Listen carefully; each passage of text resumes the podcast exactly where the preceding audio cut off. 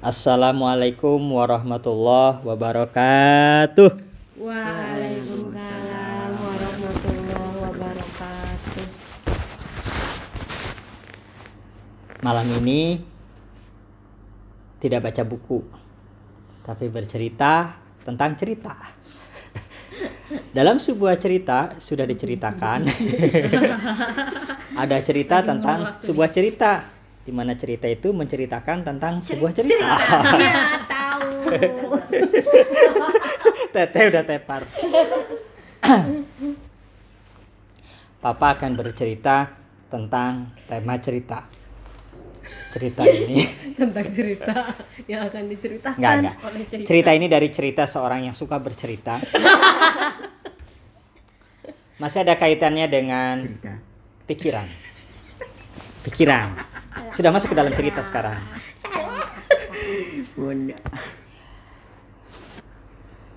Tadi malam papa mendengar melihat menonton gitu ya. Cerita yang dikisahkan oleh Sadguru. Seorang yogi tentu saja dari India.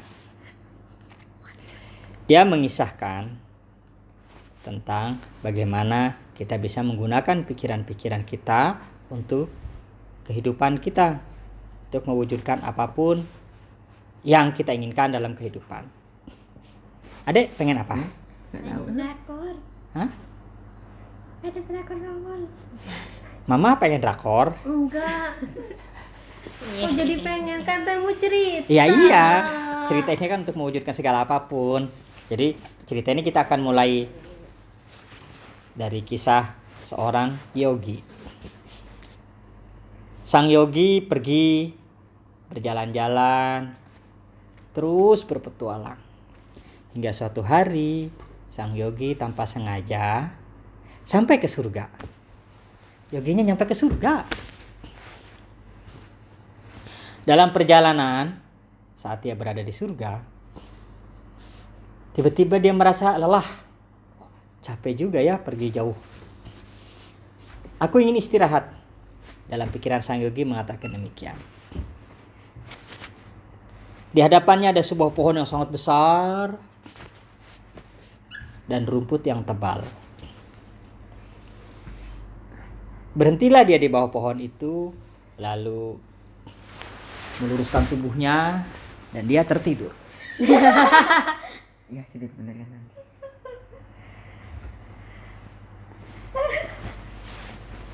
Dia tertidur. Setelah beristirahat beberapa saat tertidur, beberapa jam kemudian dia bangun. Orang kalau habis tidur bangun terasa Apa? lapar.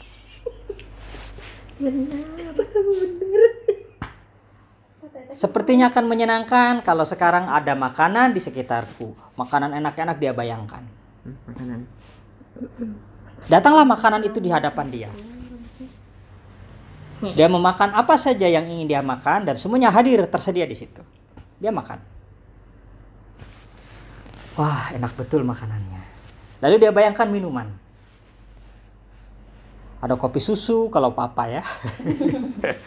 kalau Ejra es buah, Botol, Pak. teh botol. Eh, tadi kita gak beli teh botol ya? Oh, lupa. Ada tadi saya menginginkan teh botol enggak? Enggak ya? Enggak.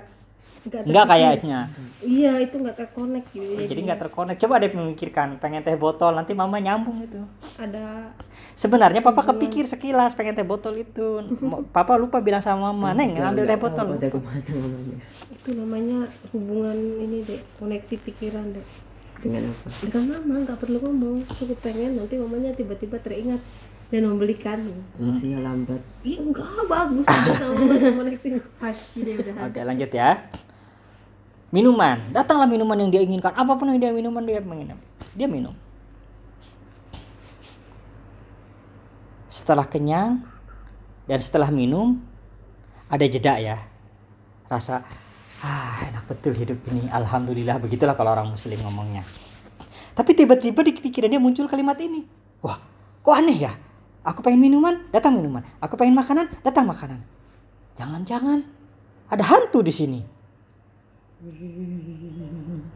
Datanglah hantu itu, Dek. Wah, jangan-jangan hantu ini akan menyakitiku. Hantu itu langsung menyakiti dia. Wah, bisa-bisa aku mati gara-gara hantu ini. Dia kemudian mati. Si Yogi ini mati di surga. Itu kisah sederhana. Bisa saja hanya sebuah kisah yang tidak ada artinya. Tapi ada satu poin penting. Di mana sih pohon itu berada? Pohon itu berada di dalam diri kita, yaitu pikiran. Apa pun yang kita pikirkan, apa pun yang kita curigai, apa pun yang kita khawatirkan, dia menjadi nyata begitu saja. Mengawasi pikiran-pikiran kita untuk tetap berperspektif positif sehingga hidup kita hasilnya positif itu menjadi penting. Dia menjadi bagian dari tema sejak awal puasa. Apa pun yang kamu pikirkan, itulah yang terjadi. Aku berada bersama prasangka hamba-hambaku, kata Allah. Ud'uni astajib lakum, kata Allah. Minta padaku, pasti kuwujudkan. Sa- Papa tidak tahu ada pernah nggak membaca pa- Pabel, Pabel, Pabel, apa Pabel? Atau Ellen juga mungkin pernah membaca Materi Pabel. sekolah, Pak. Hah? Fabel itu materi sekolah. Materi sekolah. Bahasa iya, itu materi kehidupan. Dek. Fabel itu dongeng Iya. yang berhubungan dengan Hewan. hewan. Atau bisa apa saja. Tujuannya mengantar makna khusus yang agar bisa dipahami oleh pemirsa, oleh pendengar.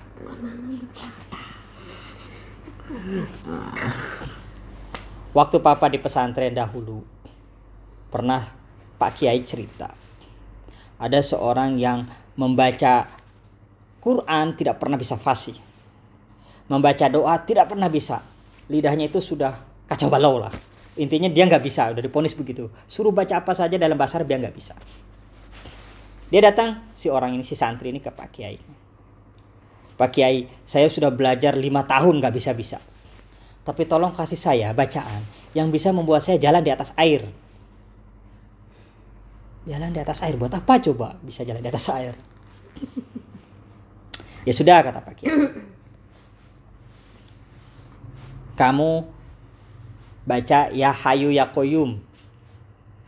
Wahai yang hidup, wahai yang jumeneng, yang hidup yang kuasa. Dia tetap nggak bisa yang dia baca akhirnya ya kayuku ya kayumu. Udah nggak apa-apa. Pokoknya kamu kalau dalam kesulitan kamu selalu bilang ya kayuku ya kayumu. Gitu.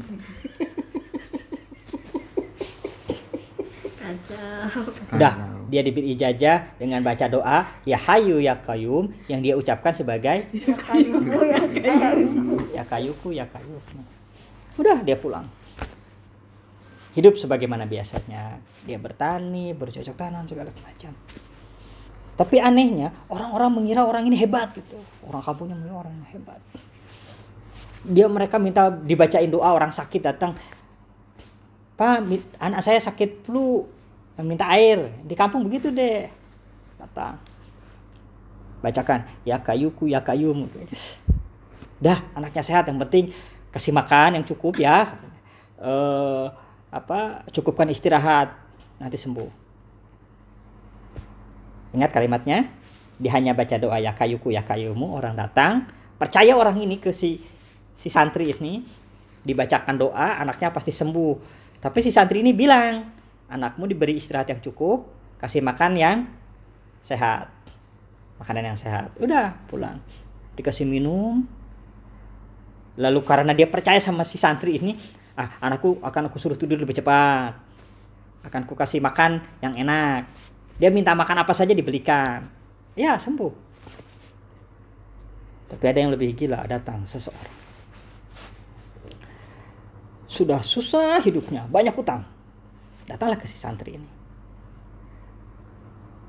Mas santri, saya itu punya banyak masalah dan punya banyak utang. Apa masalahmu ini, ini? Oh, ceritakan semua masalahmu. Suruh ceritakan. Dia didengerin aja. Udah, kamu minum ini. Sama juga doanya, ya kayuku, ya kayumu. Si ini dengar, kok kalimatnya begitu doanya rada aneh kata kita.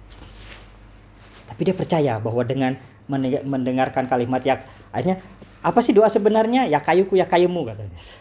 Udah si santri si orang yang banyak utang itu dikasih ijazah namanya. Suruh baca ya kayuku ya kayuku. Pertama baca kalimat itu yang rajin kata dia. Yang kedua kamu harus sering keluar jalan-jalan ke mana ketemu orang sampaikan apa yang kamu bisa. Si orang yang banyak utang ini sesungguhnya orang yang sangat pintar membuat kreasi-kreasi kayu. Bisa bikin kusen, pintu, jendela, apa saja.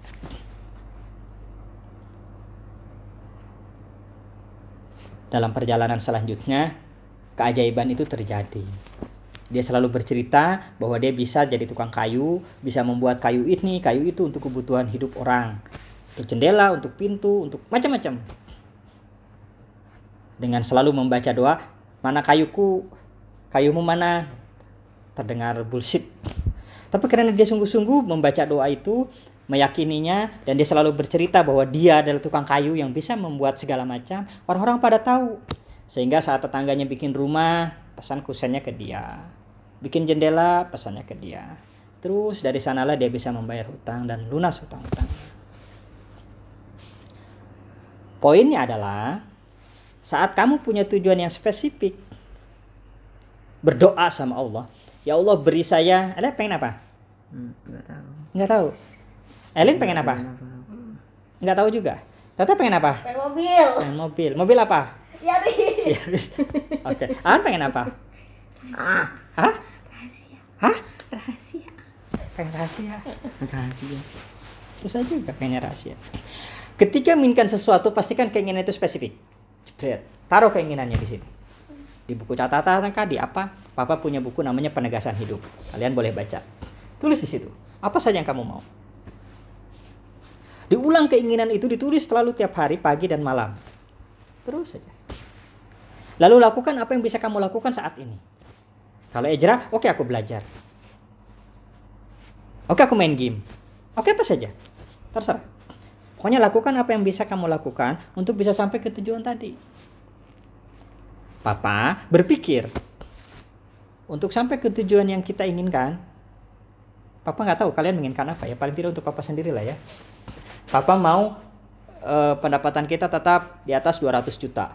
Apa yang bisa papa lakukan? Mengupdate website, menulis artikel untuk web, membuat aplikasi. Itu yang bisa Papa lakukan. Papa lakukan itu.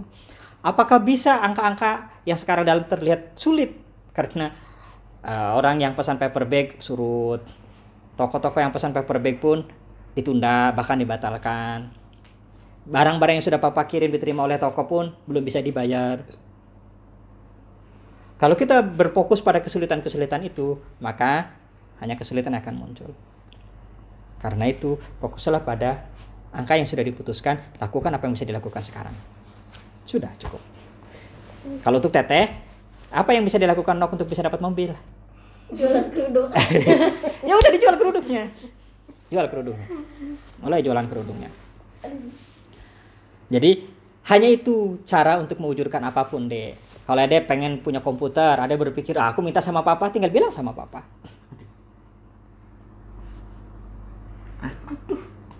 Mama pengen apa? Jadi apa pun yang muncul di kepala kalian saat menginginkan sesuatu, sampaikan. Udah, nggak usah mikirin lagi. Jangan diganti-ganti. Kalau ganti-ganti, oh, sehari ini pengen ini, besok pengen itu, nanti nggak jadi. Tapi kalau fokus di situ, syukur ada timelinenya untuk urutan waktu tertentu. Apa pun yang kamu pikirkan, karena tadi sudah punya pohon di diri kita, apa pun yang kamu inginkan itu pasti terwujud. Makanya inginkanlah hal-hal yang baik. Ya, jangan menginginkan hal-hal buruk. Berjadilah bagian dari solusi hidup. Bukan jadi masalah. Bagian dari solusi hidup adalah contohnya saat menghadapi kesulitan, apa yang bisa kulakukan untuk menyelesaikan kesulitan ini? Saat dapat tugas menari, apa yang bisa kulakukan agar aku bisa secepatnya menari? Saat dapat tugas mengumpulkan gambar untuk aplikasi wallpaper, apa yang bisa kulakukan sekarang untuk mengumpulkan gambar-gambar itu? Udah itu saja. Nggak jangan jangan berpikir wah papa ini ngasih tugas aneh-aneh aja. Wah bu guru ini kok ngasih tugasnya bla Nah, itu nggak selesai masalahnya. Just do what you can to do now. benar nggak sih kalimatnya? nggak pakai to. nggak pakai to ya. Lakukan apa yang bisa kamu. Gimana deh bahasa Inggris yang benar? Just do what you can do now. Wah, oh, sip. Ya, ada pintar bahasa Inggris ternyata ya. Oke, okay? Papa rasa cukup. Kita simpulkan secara sederhana dongeng Yogi yang tersesat di surga tadi. Saat kamu mendapatkan kemudahan, segala sesuatu yang kamu inginkan bisa terwujud dengan mudah, syukuri itu. Alhamdulillah. Jangan dicurigai. Begitu kamu mencurigainya, seluruh kecurigaanmu akan muncul. Itu bahaya. Ya, itu saja. Jadi kalau menginginkan sesuatu dan sesuatu itu terwujud dengan mudah, alhamdulillah. Nggak usah berpikir, wah ini ini nih, wah ini ini nih, nggak usah. Malah jadi terpikir ya. Itulah pikiran. Udah tadi selesai. Alhamdulillah. Alhamdulillah. Wassalamualaikum warahmatullahi wabarakatuh. Waalaikumsalam warahmatullahi wabarakatuh.